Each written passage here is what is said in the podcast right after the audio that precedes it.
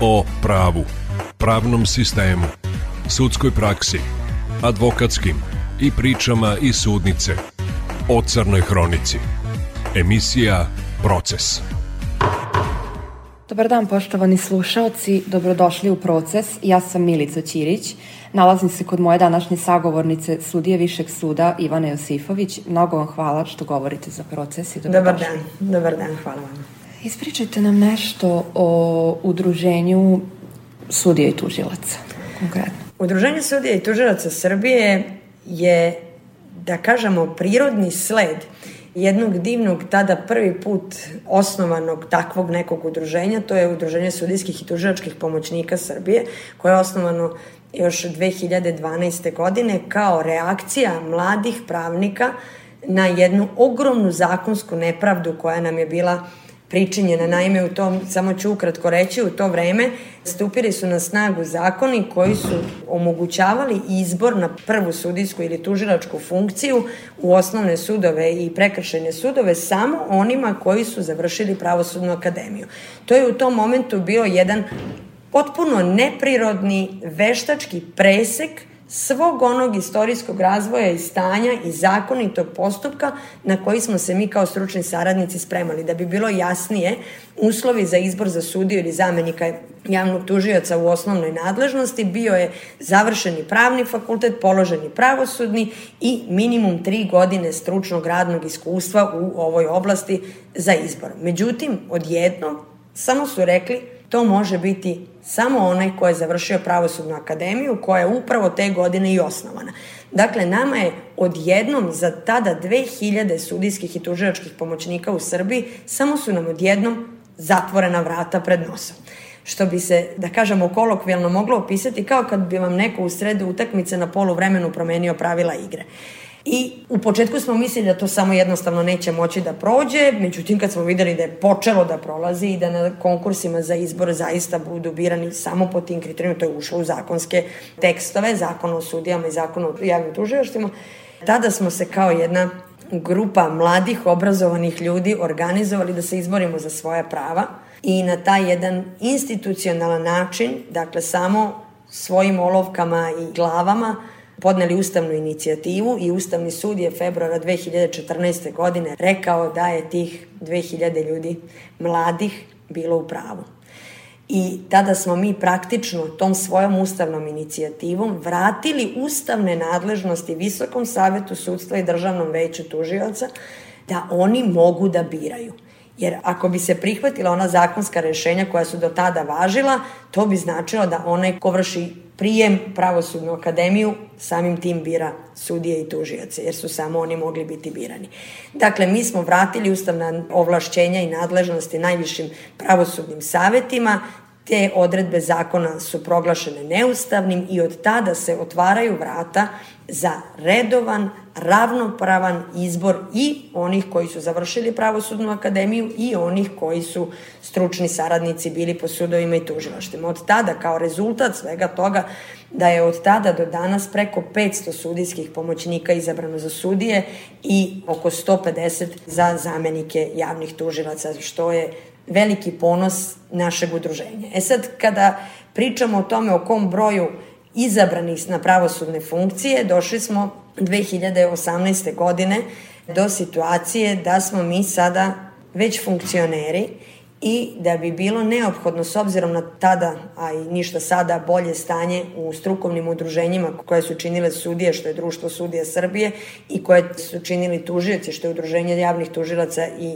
zamenika javnih tužilaca Srbije, smatrali smo da ta dva udruženja apsolutno ne mogu da odgovore zahtevima modernog, trenutnog, aktuelnog, živog sistema koje treba da, da ima svrhu da zaštiti prava i unapredi prava sudija i tužilaca. I odlučili smo da osnujemo Udruženje sudija i tužilaca Srbije, Dakle, 2018. godine na našoj, ajde da kažemo, pravosudnoj strukovnoj sceni se pojavilo jedno potpuno novo, sveže udruženje, puno novih ideja, nove energije, mladih ljudi koji su voljni i spremni da rade. Ono što nas razlikuje od svih ostalih je što smo mi svi u punoj, da kažem, procesnoj kondiciji. Svi mi smo u prvom stepenu rada, svi smo u sudnicama svaki dan, mi se svakodnevno susrećemo sa svim onim problemima koji se javljaju kao zakonodavni problemi ili nedoumice u radu. Mi smo ti koji su u kontaktu sa strankama, mi smo ti u kontaktu sa braniocima, sa, sa javnošću, sa medijima u sudnici i tako dalje. E sad, to naravno nije jedini uslov. Ono što naše udruženje drastično razlikuje od svih ostalih, što smo mi potpuno samostalni i potpuno nezavisni od bilo koga. Pro forme će vam reći da su to i oni ostali, međutim samostalnost i nezavisnost nevladinih organizacija, jer mi smo određen vid nevladine neprofitne organizacije, Faktička samostalnost i nezavisnost nevladine organizacije ogleda se na prvom mestu u izvoru finansiranja. Mi smo isključivo samofinansirajuće udruženje, što znači da se finansiramo od članarina od svojih članova. To znači da nikom ništa ne dugujemo i da niko ništa od nas ne može da traži niti da očekuje. To znači da sami biramo koje bitke ćemo boriti, da sami biramo koje zakone ćemo podržati, sami biramo koje izmene ćemo inicirati. I to je drastična razlika u odnosu na već postojeća udruženja koja 20 godina i više funkcionišu kao strukovna udruženja. Koliko iskustva je potrebno da bi neko postao vaš član? mi nemamo prijemni ispit. Naš član je dobrodošao svako ko se bavi ovim poslom i ko deli naše ciljeve i ideje. Dakle, svako onaj ko smatra da treba da se bespoštednom borbom zalaže za unapređenje ovih prava, ko nije spreman na kompromise tamo kada su ti kompromisi uslovljeni nekim drugim stvarima, ko se bori za pravosuđe. Znate kako, većina naših članova su mladi. Budućnost pravosuđa je na nama. U narednih 20 godina mi smo ti koji će biti u pravosuđu narednih 20 godina.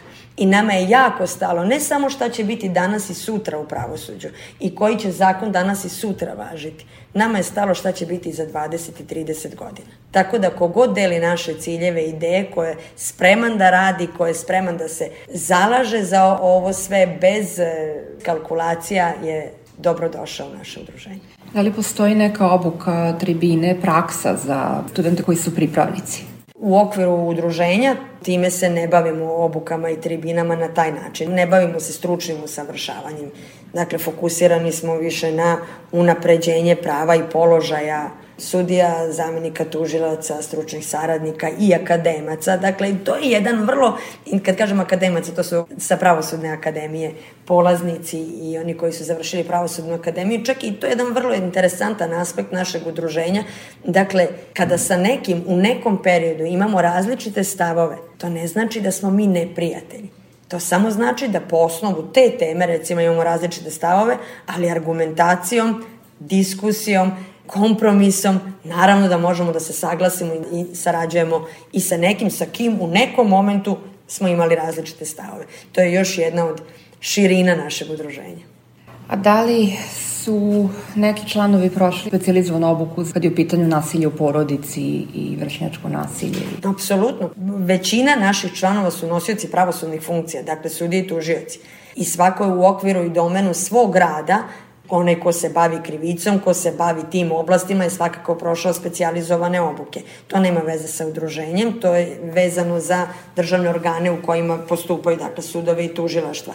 Mi smo prošli obuke, većina nas koji se time bavimo koji radimo, evo recimo, ja jesam i veliki broj mojih kolega jeste, ali to nema veze sa udruženjem. Hvala vam mnogo što ste govorili za proces. Hvala vama. Proces.